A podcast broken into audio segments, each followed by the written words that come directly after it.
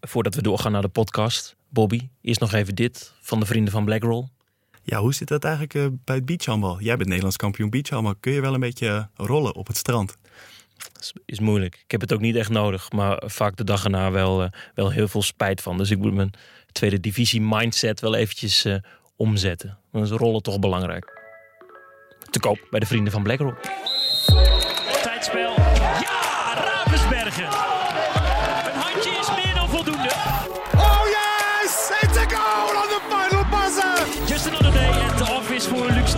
Spelmaker van PSG. Abing steps up! Cometh the hour! Cometh the woman! Loopt hem goed door in de winkelhaak. Van Wetering. 12-5. Glimlach van Angela Malenstein en het publiek op de banken. Dag mensen van het internet. Niets vervelender dan een blessure naar de kant gedragen worden. Weken toekijken vanaf je home trainer. Maanden eenzaam in de gym. Wat als het je drie keer overkomt? Drie keer een jaar een hap uit je nog jonge leven. Heel veel gegeven. En het ultieme offer is nu gebracht door onze gast, Delilah Amega. Al een jaar niet meer in Duitsland, niet meer in Dortmund. Delilah, hoe is je Duits? Wie geht's? Nou, het wordt eh, een stukje minder, moet ik zeggen. ik praat weinig Duits meer, maar eh, dat gaat nooit meer weg. Dat is toch een mooie bijkomstigheid van die jaren.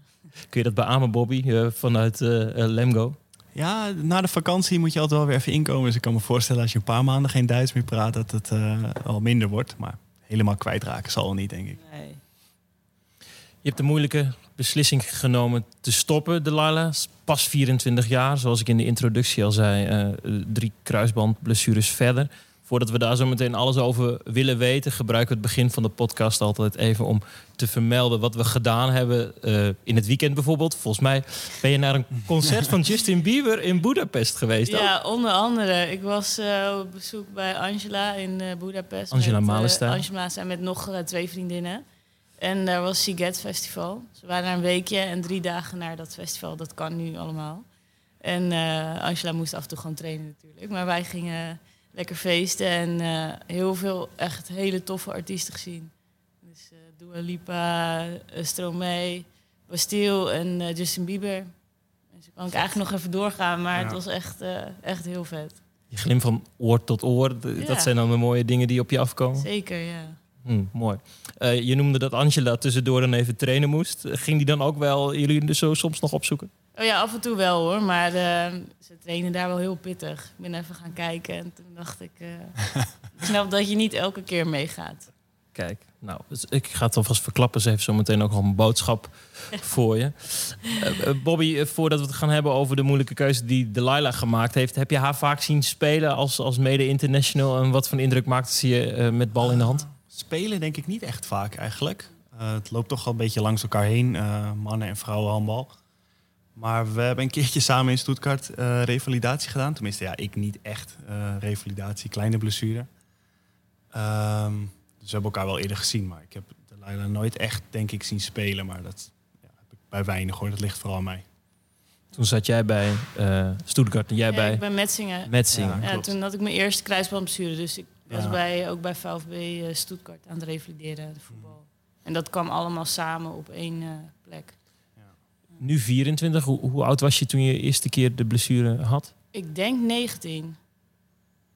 Stortte de wereld 19, toen 20. eenmaal in voor jou? Dacht je, oh jeetje, hoe ga ik dit, dit jaar doorkomen? Nou, dat was, het was na eh, mijn eerste toernooi, het EK in Frankrijk. En dat was zo intens en zo prachtig. En daar, nou, ik had die wedstrijd van mijn leven gespeeld daar. En ehm, opeens zag je hoe het ook kan. En dan kom je terug in Duitsland en dan dacht ik van, nou, oké, dit is een andere koek, weet je wel. Dus eh, toen brak ik eerst mijn vinger. Toen dacht ik, oké, even, even rustig aan. Prima, niet leuk, maar... En ehm, ja, kort daarna, nou, kort daarna, ik kwam terug en de eerste wedstrijd schudde ik mijn kruisband. Dus ik baalde wel echt als een stekker, want het WK kwam eraan. Maar ik dacht ook, oké, misschien heb ik even dit stukje afstand van handbal nodig. En ik ga gewoon heel snel terugkomen. En het, dus ik- toen stond ik er eigenlijk heel positief in. Iedereen scheurt bijna een keer zijn kruisband in zijn carrière, dacht ik. Eén keer Beter aan het begin. beter aan het begin Ja. en dan gaan we gewoon weer door. Dus toen stond, dacht ik, nou, oké. Eh, niet leuk, maar ehm, het is nou helemaal gebeurd. En je noemt een klein stukje afstand tot de sport is eh, helemaal niet mis dan. Waarom had je dat gevoel? Ja, ik heb altijd wel een beetje twijfels gehad bij handbal, omdat ik het leven in Nederland heel erg leuk vind. En eh, familie, vrienden, ik hou ook van feestjes. En daar is gewoon tijdens blessure meer tijd voor. En ehm, ik denk niet dat, dat heel veel handballers met mij dat delen, zeg maar. Dat ik eh, daar heel erg naar verlang om een beetje vrijheid te hebben. Nou, dat is misschien niet helemaal de juiste verwoording, maar ehm, ja, ik had gewoon meer tijd nodig om even weer te aarden in Nederland en weer leuke dingen te doen, zodat ik echt weer zin zou krijgen in handbal. Is het herkenbaar wat ze zegt, dat afstand Ja. soms wel fijn is? Ja, nee, heel erg. Het is, eh, ik heb dat, merk het vooral de laatste jaren dat je heel erg dat gevoel hebt van ik mis alles in Nederland, gewoon het leven daar. En dat het elke vakantie, zeg maar, als je weer begint, eh, is steeds moeilijker of zo. Heb je steeds meer dat gevoel van pff, moet ik weer daarheen en dan weer dat leven. Als je er eenmaal in zit, dan gaat dat wel. Dan, dan krijg je niet veel mee van wat er met je vrienden en zo gebeurt. Maar merk wel dat ik dat, al die twijfel ook altijd heb. Terwijl volgens mij zijn er ook wel veel handballers die dat helemaal niet hebben. Die echt dat leven voor die sport, zeg maar, dat is alles. Maar ik heb dat ook nooit, nooit echt zo gehad, zeg maar. Dan hebben we het over offers brengen. Eh, we hebben het genoemd dat je nu het ultieme offer hebt gebracht. Je hebt namelijk gezegd, oké, ik ga dit niet meer doen. Topsporter zijn. Ik ga iets anders doen. Je lichaam heeft je daar eh, toe gedwongen. Ja. Kun je eens uitleggen wat er het laatste jaar is gebeurd? En nou ja, ook vooral welke gedachten je daarbij hebt gehad? Ja, het was best wel een moeilijk proces hoor. Want ehm, ik heb, ja, sinds jongs af aan ben je bezig met je droom. En daar doe je letterlijk waar alles voor. En ook met mijn ouders. En iedereen heeft er alles voor gelaten, niet alleen ik. En ehm, ik merkte al eigenlijk bij die tweede dat het mentaal echt heel zwaar was. En daar heb ik ook wel heel- met veel mensen over gepraat die me echt heel erg geholpen hebben daarin. En dat ik gewoon toe was aan ehm, iets anders, maar toch weer teruggekomen van die tweede soort van. En toen scheurde ik hem weer af. Toen dacht ik, ja, ik, ik trek dit gewoon niet. Dus er moet iets gaan veranderen, want anders word ik echt gek. En dan ga ik echt, eh, dan zit ik echt met nog meer tegenzin, bijna een soort van depressief in het buitenland. Dus eh, toen heb ik met mijn club gepraat en gezegd, ik moet echt naar Nederland, anders, eh, anders gaat het helemaal nooit meer goed komen. Qua handbal, plezier, zeg maar. Dus het lichaam zei stop. Maar eigenlijk was het bijkomst ook, ook wel een voordeel voor wat mentaal in je hoofd gebeurt dan. Ja, ik denk dat mijn mentale, zeg maar, in mijn hoofd... heeft altijd in verbi- verbinding gestaan met blessure als gevolg.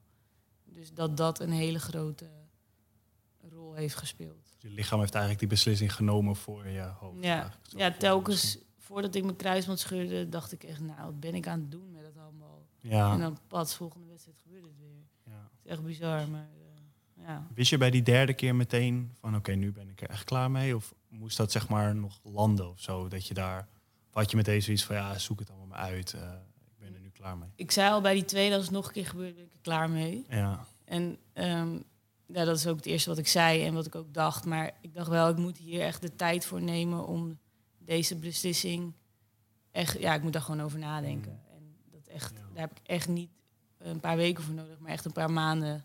En dat, die tijd heb ik mezelf ook gegeven met hulp van mental coaches. En ik zit echt bij de beste fysio's die ik ooit heb gehad eh, in Amsterdam. En dat heeft allemaal echt zo erg geholpen dat ik gewoon tot die beslissing gekomen ben van oké, dit is het niet meer voor mij.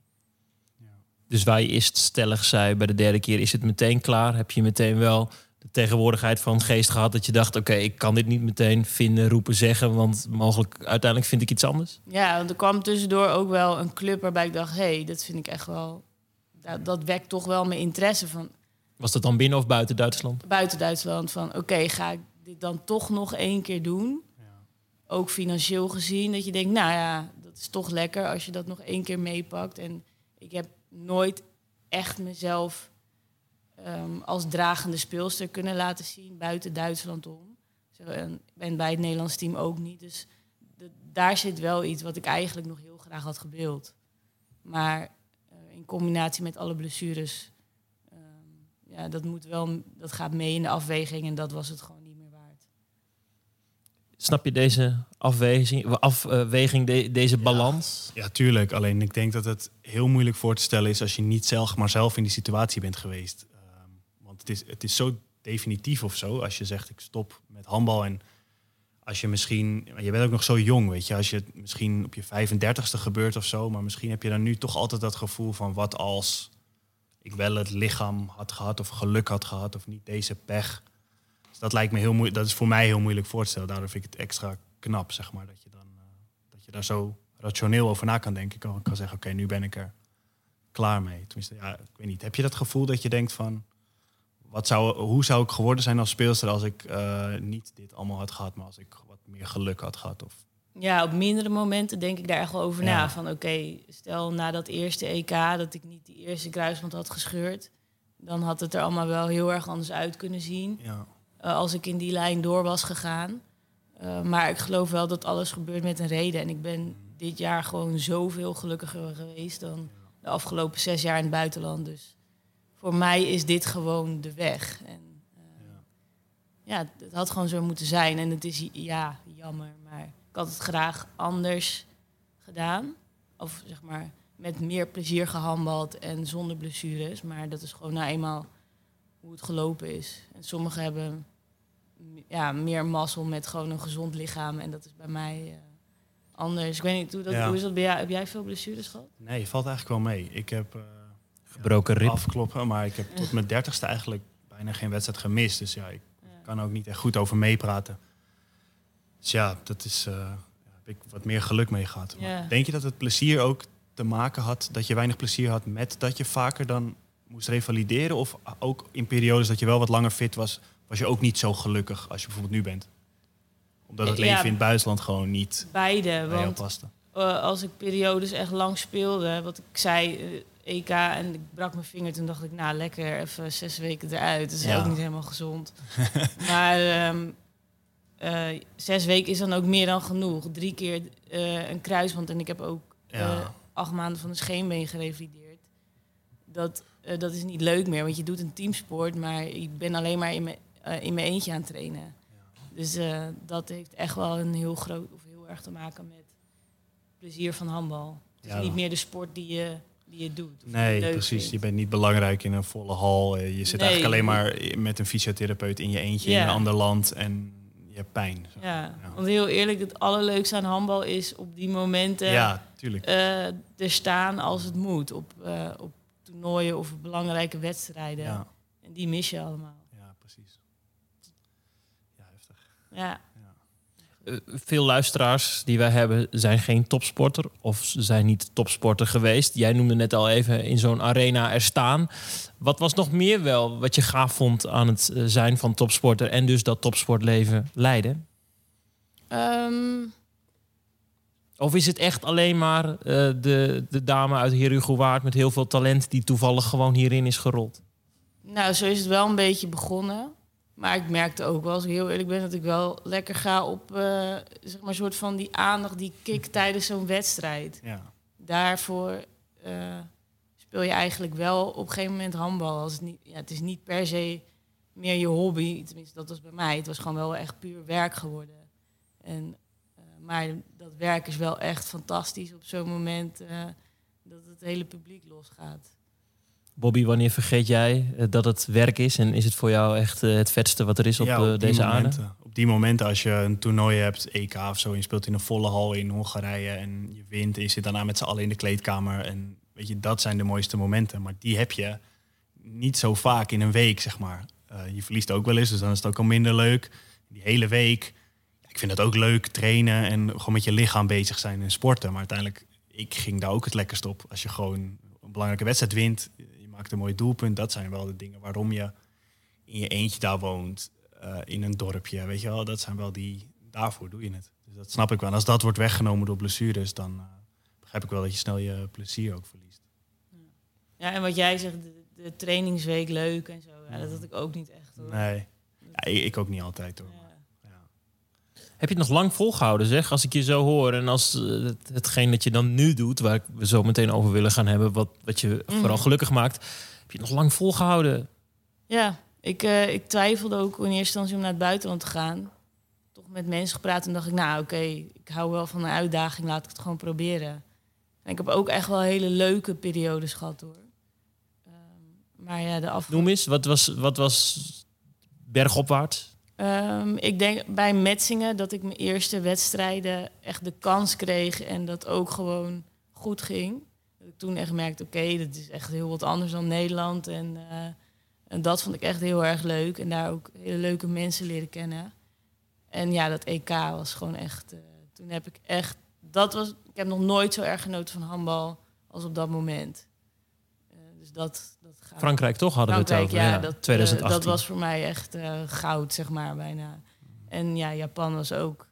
eh, daar was mijn aandeel ja, niet nieuw, maar wel echt fantastisch om met dat team. En de sfeer was zo goed. Uh, ja, zoiets bizars te halen. Daar hebben we nog weken na van gefeest, zeg maar. Nou, dat geloof ik graag. Dat mag ook met een gouden ja. plak. En daarvoor uh, haalde je brons. Even terug naar het EK 2018. Um, als we dan handbal specifiek iets noemen, wat dan werkte of wat lukte, uh, waar werd je dan nog wel blij van of waar word je nu wel blij van als je daarover terugdenkt dat je gedaan hebt op dat veld? Ja, die wedstrijd tegen Kroatië, ik was echt uh, rete zenuwachtig. En opeens speelde ik zoals ik bij de club ook speelde, gewoon zonder na te denken en alles vloog erin. En ja, dat was echt gewoon zo'n fijn gevoel van, oh, dit is de eerste stap naar wat ik wil bereiken met het Nederlands team. En ook wat me, de rol die ik graag wil aannemen. Toen ging het weer mis, hè? Toen vrij ging snel het weer daarna. mis, ja. Dat is Ja. al een repeterend verhaal. Ja, En nu zit je hier, dat, dat zijn we ook nog een beetje vergeten te vertellen, eh, Bobby. Want eh, waar zitten we? Het is overigens bloedheet. De Aristos kantine, mijn oude club, ja.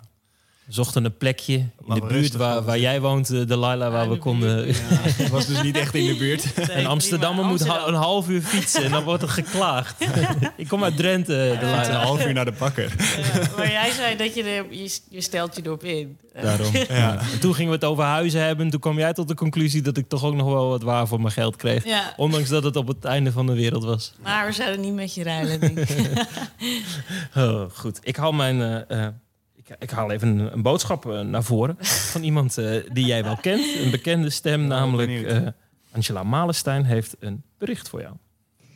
Hi Del, dat ik trots op je ben, dat weet je natuurlijk al. Maar eh, je mag ook echt trots op jezelf zijn. Je bent een voorbeeld voor velen. Je laat je van niemand iets wijs maken of zeggen je moet dit, je moet dat. Nee, je hebt echt je eigen keuze gemaakt. Jij bent baas over je eigen lichaam en dat is het allerbelangrijkste. En ik weet dat je nu heel erg gelukkig bent, dus dan ben ik ook gelukkig. Veel plezier nog vandaag in de podcast. Doei doei! Oh, oh ik krijg altijd echt... Ja. Ja, gewoon zo lief. Ja, wat raakt het je het meest van hetgeen dat ze hierin zegt? Ja, het is gewoon echt waar wat ze zegt. Wacht even hoor. Neem je tijd, neem anders een slokje water. Ze zegt baas over je eigen lichaam. Dat, dat niemand je vertelt wat je doen moet. Zijn dat dingen Ja. die, waarmee je hebt pinball hebt gespeeld in je hoofd? Ja, het is al in de handbalwereld wel altijd van ja, je hebt altijd vrije keuze, maar ehm, het is niet altijd zo. Dat is nooit zo, denk ik. Nee, Nee. en dat kunnen ze wel zeggen, ja, je hebt vrije keuze, maar daar hangen consequenties aan. En Mhm. ehm, dat, is, ja, dat is niet iets wat misschien heel veel besproken wordt, maar anders is het gewoon echt een goede vriendin van mij. En dat weet ze ook vaak genoeg. ehm, samen gebeld en eh, gewoon echt, ja, ook over de minder leuke dingen gesproken. Dus ja, ik vind het gewoon lief als ze dat zegt. Heel lief, ja. Eh, jullie knikken naar elkaar als je het hebt over dat het niet altijd een vrije keuze is. Ehm, leg dat eens beter uit voor mij als, eh, als simpele ziel. Je bent gewoon, je werkt gewoon voor een bedrijf, zeg maar. En dat vergeet je soms, want ze hebben het altijd over club is een familie en je hebt al dat. En dat is ook wel zo. Maar als jij op een gegeven moment niet meer presteert of je bent vaak geblesseerd of je hebt gewoon geen waarde meer, dan wordt er ook gewoon net zo makkelijk afscheid van je genomen. En dat is niet erg, zo werkt het gewoon. Alleen dat moet je niet vergeten, zeg maar. En dat is wel eens vaak zo dat dan kom je van een koude kermis thuis als je als speler denkt van ja, ik heb toch krediet, ik heb het toch twee jaar geleden heel goed gedaan en weet je wel. Maar als op een gegeven moment, als het niet meer goed gaat, dan ben je, word je ook gewoon aan de kant gezet. Of worden mensen binnen de club aan de kant gezet. Zo gaan die dingen gewoon. En dat wordt wel eens vergeten. En ik denk, helemaal in jouw geval, als je vaak geblesseerd bent, heb je dat ook vaak gemerkt waarschijnlijk. Dan, dan, eh, dan vraagt een trainer niet meer elke week hoe het met je gaat. Of eh, weet je, dan hebben ze gewoon, ze hebben niks meer aan je. En zo werkt het. Ja, zo, zo is het. En ik kan me wel voorstellen dat je daar op een gegeven moment wel klaar mee bent. Met zo'n wereldje, zeg maar. Zeker. Op zich aan het begin bij Metzingen ben ik echt jong gekomen. En daar eh, zijn ze echt ook wel heel goed voor me geweest. Maar ook echt ehm, heel erg onpersoonlijk. Ja. Dat eh, mijn moeder werd ziek en dat er echt eh, heel naar werd gedaan. Totaal zonder begrip eh, van... Ja, maar je moet gewoon hier zijn. Terwijl, ja, het is maar een spelletje hoor. Dus ja. dat soort dingen. En dan ben je ook inderdaad gewoon maar een soort van eh, klein pionnetje wat gewoon even aan de kant wordt gezet. En nu bij Dortmund. ehm, Heb je überhaupt iets van hen gehoord? nee, niks meer. En aan de ene kant is dat heel prettig, maar ehm, ja, ik zou dat zelf nooit doen. Uit gewoon een beetje respect van. eh, er is nooit afscheid of zo genomen of eh, gezegd: hey, Del, ehm, wat vervelend, eh, succes met je verdere leven. Of, dat is prima, maar ehm, ik had het zelf anders gedaan. Dus, ja. Werk is werk. Het maakt dan de afstand die je hebt tot mensen waar je heel veel om geeft, om dingen waar je heel graag bij bent, maar waar je eigenlijk nooit bij kunt zijn. Is dat een, een offer die je brengen moet, die het soms heel ondraaglijk maakt? Is het in, jouw geval zo geweest? ja, je bent gewoon. eh, je, je ziet soms je familie en je vrienden echt lang niet. En ook eh, relaties opbouwen, dat, ja, dat is gewoon een stuk moeilijker. Want je bent eigenlijk alleen maar bezig met eh, jezelf en je doel. Daar moet je gewoon echt heel veel voor laten. En ja, de, zeg maar, heel veel mensen zien altijd dan de leuke momenten en je wint. En, maar er zit ook, eh, ja, er komt heel veel meer bij. Je houdt dit al heel lang vol. Ja. Hoe dan?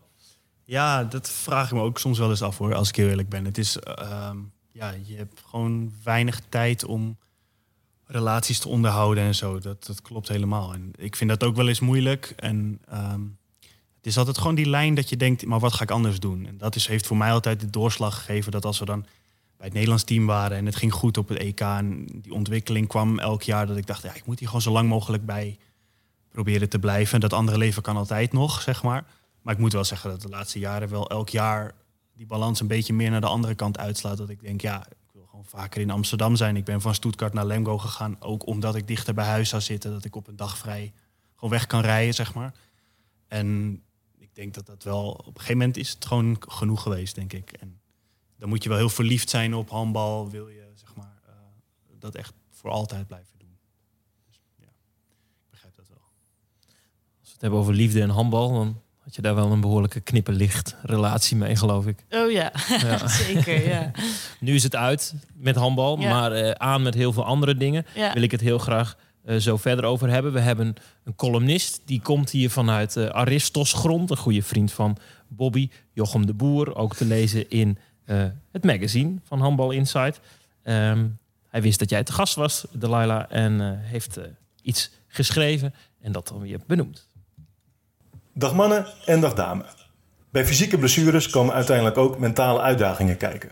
Überhaupt is het mentale deel binnen de sport en vooral binnen de topsport mega belangrijk en interessant. Ik vind dat persoonlijk misschien wel een van de meest interessante onderdelen binnen onze sport. Hoe kan het bijvoorbeeld dat Danique Snelder in de EK-finale van 2016 in de laatste seconde bij één punt achter de bal op de voeten van een medespeelster gooit?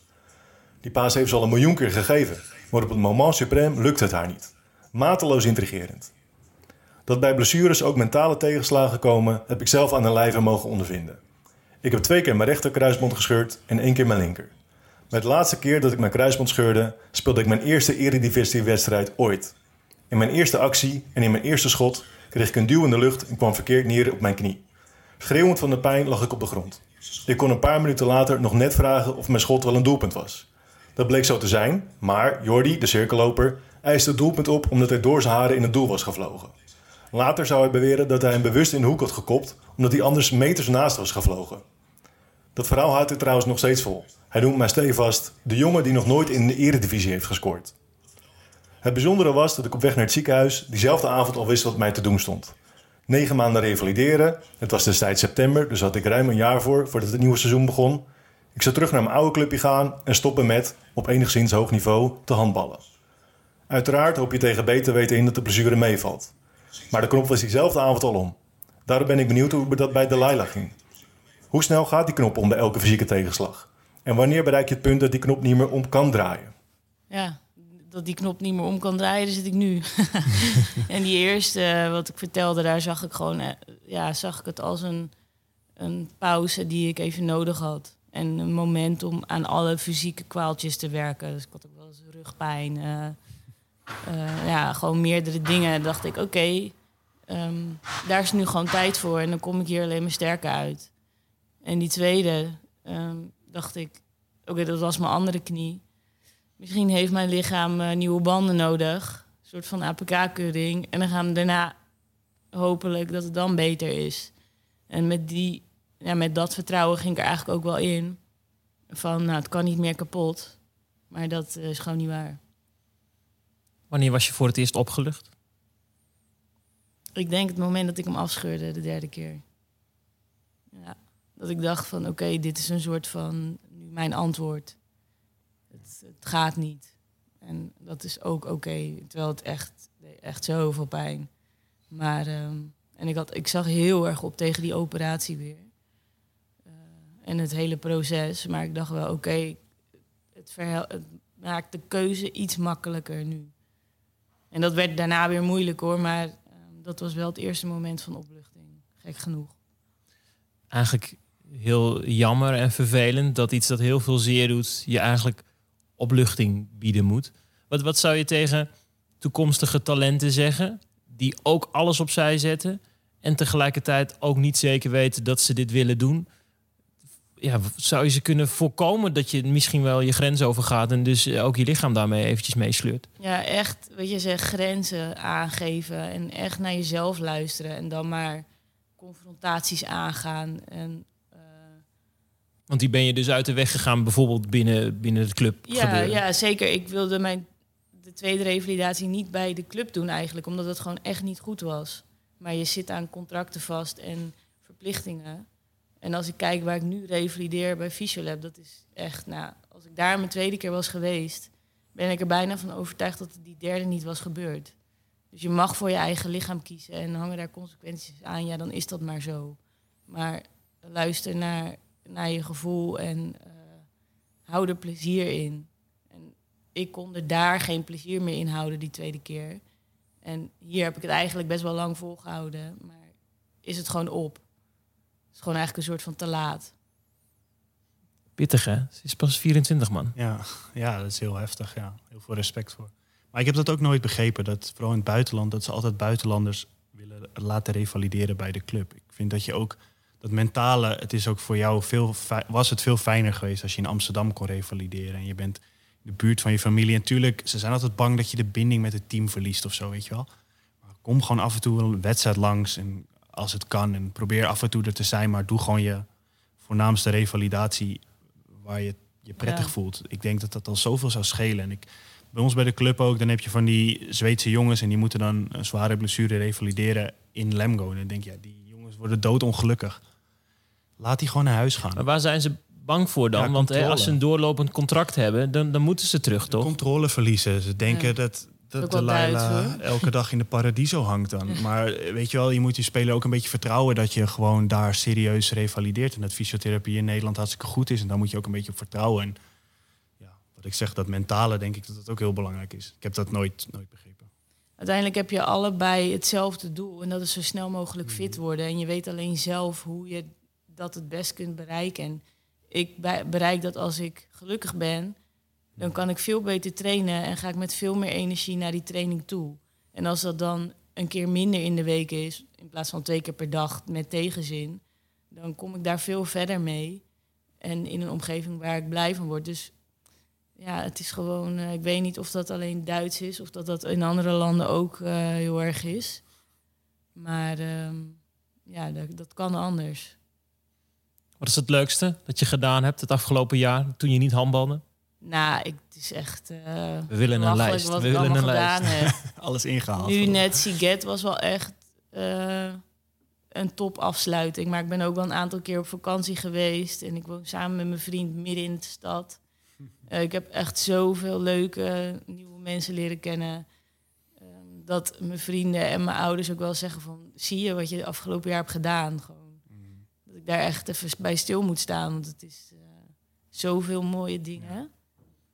Mooie delen van de wereld gezien. Ja, Noem eens. eh, ik ben in Curaçao geweest, Kaapverdië, Griekenland. Ja, ik ik schaam me bijna om het allemaal te zeggen. Alsjeblieft, Nu, eh, ga door. ga door. Vliegschaamte. Ja, Budapest ben ik nog geweest. Nu natuurlijk. Ehm, ik denk dat ik nog iets vergeet, maar dat is prima zo.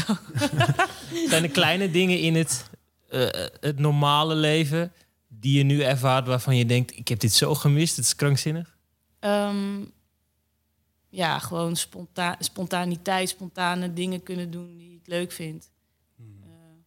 Spontaan uitgaan, zonder dat het stiekem moet. dat soort dingen. Eh, dus met naar familie toe, eh, dat je die kan bellen. Oh, ik heb tijd, kom, ik eh, ga even langs. En, Ging je wel stiekem uit? oh ja, Bij een Nederlands team of zo ook wel eens? oh nee, nee, nee, niet Nee? bij het Nederlands team, maar in Duitsland wel. Oké, Gewoon twee dagen voor de wedstrijd of zo? Of ook wel gewoon- nee, gewoon na de wedstrijd. Na dat de was wedstrijd. soms al een probleem. Was dat al stiekem? Ja, serieus? Ja, ja. Het was niet eens heel gek hoor, maar... Nee. eh, Wel eens betrapt? oh ja. En Ja, er waren niet heel veel mensen met een kleurtje in Zuid-Duitsland. Dus, eh, en eh, mijn auto stond dan een paar staten verderop. En dan werd er weer erop. gebeld. Ja, Ja. staat eh, net niet je telefoonnummer op de auto. Dus Ja. Ja, dat, helpt niet. Dat helpt niet. Nee. Maar goed, dat heb je dan, neem ik voor lief. Joh, kan jou het schelen nu? Ja, als ik daarna weer goed speel, dan eh Zo is dat. Ja. Je straalt en je glimt. Ja, Dat is goed, ja, zeker. toch? Ja. A goodbye for now, zei je. Want nooit, Ja. nooit. Zeg nooit nooit. Ik denk het niet, nu, dat ik ooit nog... eh, Maar tophandbal zelf- of überhaupt handbal? Zeg maar. Nou ja, als ik dan ga handballen, dan zie ik mezelf niet zo snel Vriendinnen, voor de lol eh, het risico met mijn knieën nemen. Dus als ik dat ga doen, dan wel volledig met alles erop en aan, denk ik. Maar dat zie ik. Ik eh, krijg twee keer in de week trainen nu niet eens voor elkaar. Ik heb er gewoon Ja. geen zin in. dus laat staan. eh, Zeg weer- ze rebels, heb ik gewoon geen zin in, ja, dan doe ik het laat niet. staan twee keer per dag weer. Dus Ja. ja, ja voor nu gewoon niet. Maar ik eh, kan altijd nog veranderen. Je was ook coach bij VOC. Ja, Dus, ik, gaat dat wat worden voor de toekomst? Of vond je dat helemaal niks? Ik vind het heel leuk. Ik geef Ja? twee keer in de week training. En af en toe eh, neem ik eens eh, dames twee coachen over als er eh, niemand is. En ik word bij de B-jeugd NK meegecoacht. Ja, Vind ik echt onwijs leuk. oké. Dus op die manier blijf ik wel weer een beetje in het handbal. Ja, En nu ben ik gewoon heel erg druk. Dus meer dan dat denk ik dat er voorlopig niet in zit. Maar ja, wie weet, als ik later Ja. meer tijd heb, dat ik dat dan wel... eh, ga je diploma's halen? Of heb je die ja, al? die heb ik. Echt? Oh, vet. Ja, tussendoor. Kijk. Wat doe je naast eh, bijvoorbeeld bij VOC wat eh, nou, helpen? Wat doe je nog meer? Eh, bij Favela Street ben ik ook eh, bezig. Dus via eh Visualab heb ik weer eh, Rocky leren kennen. Ja. En heel veel andere leuke mensen. En zij ehm, ja, liet mij zien wat Favela Street doet. En toen dacht ik echt, wauw. Wat doet het precies? Eh, ja, het is eigenlijk door middel van een voetbal... ja. ehm, vooral voor meisjes, maar in het buitenland ook eh, voor jongens. Voor kansarme kinderen met een niet-westerse migratieachtergrond. Kansen bieden en een soort samen zijn creëren door middel van sport. En ehm, ja, daar ben ik nu een beetje in, eh, ja, heb ik, ben, in, ben ik in mee gaan lopen. En dat geeft zo onwijs veel ehm, ja, moois met zich mee. Dat ik anderen kan helpen met wat ik heb meegemaakt op heel, hele andere gebieden. Dan dat ik echt denk, ja, waar heb ik over lopen janken? Want deze meisjes die leven echt in, eh, in hele moeilijke situaties, zelfs in Nederland al. En dat ik daarbij eh, eh, een klein, een kleine steentje bij kan dragen, dat vind ik zo mooi. Na eh, een soort van zes jaar alleen maar met jezelf bezig zijn, eh, noem ik het wel eens. ja. Eh, ja, vind ik dat ook een van de mooiste dingen eigenlijk wel die ik heb mogen doen afgelopen jaar. Dat is heel fijn. Mooi dat je zegt, hè, Ja. met andere mensen bezig zijn. En eh, Ja, nou, daarbij ook je eigen leed, persoonlijk leed, dan een heel klein beetje inzetten. ja, ja. Heel goed. Hey, eh, Handbal Venlo ging eh, met de titel aan de haal eh, tegen VOC. En ik ken. Amsterdammers als gebekt. Daar moet toch wat gebeuren dan daar bij jullie in Noord. Ja, eh, hoe ik die meiden door de week zie en bij wedstrijden, dat lieten ze totaal niet zien in die finale. En dat is ook gewoon leren.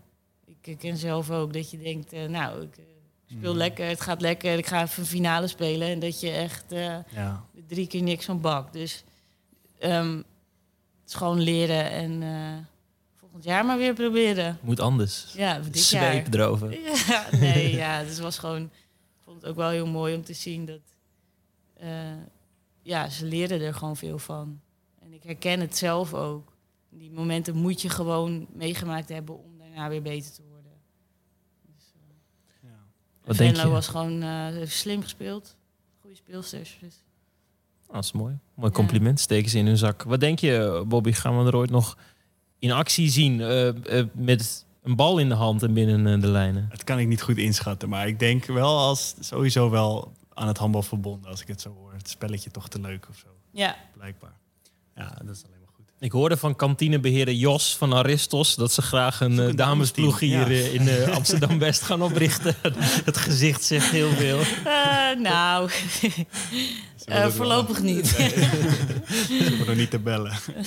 Doorgeven. Ja, dat is, eh voor jou inderdaad niet te bellen. Tot Ja, als, als het alleen mentaal was geweest, dan had ik in Nederland echt nog wel een balletje willen gooien. Maar eh, fysiek kan het ook gewoon echt niet. Dus dat, die risico's ga ik niet nemen. Ik kan nu eh, yoga doen en eh, ik ben nog een soort van aan het revalideren om gewoon gezond te worden. Maar eh, heel veel meer dan dat is het gewoon ook even niet. Want revalideer je nu echt gewoon om, om gewoon als normaal mens te kunnen functioneren? Zeg maar, je revalideert niet meer Zoals als, mij. als een Normaal topsporter. Nee, ik, ik revalideer nu niet meer als topsporter. Ja. Dus Soms- die revalidatie is ook heel anders, lijkt me nu. Het is heel anders. Soms wel moeilijk, want ik heb wel nog die winnaarsmentaliteit Ja, ja. van oké, ik wil die gewichten halen Ja. en ehm, een paar eh, jonge jochies die profvoetballer willen worden, eruit rennen, weet je wel. Dus dat zit er nogal in, maar eh, niet meer in die hoeveelheid. En ik ga nu naar, ik heb even pauze genomen omdat ik even helemaal niet meer trok. Maar ik ga nu twee keer in de week een beetje eh, kracht trainen en ook op het veld lopen dingen doen, zodat ik wel weer bijvoorbeeld kan padellen, kan tennissen, Ja, precies. zonder er al te veel over na te hoeven denken. En Ja. Op dit moment durf ik dat gewoon nog niet. Nee, dat snap ik heel goed, ja. Ja, mooi. Thanks voor je verhaal. Graag gedaan. Bedankt dat ik dat ook hier een beetje ja, over mocht hebben. Vind ik ook belangrijk.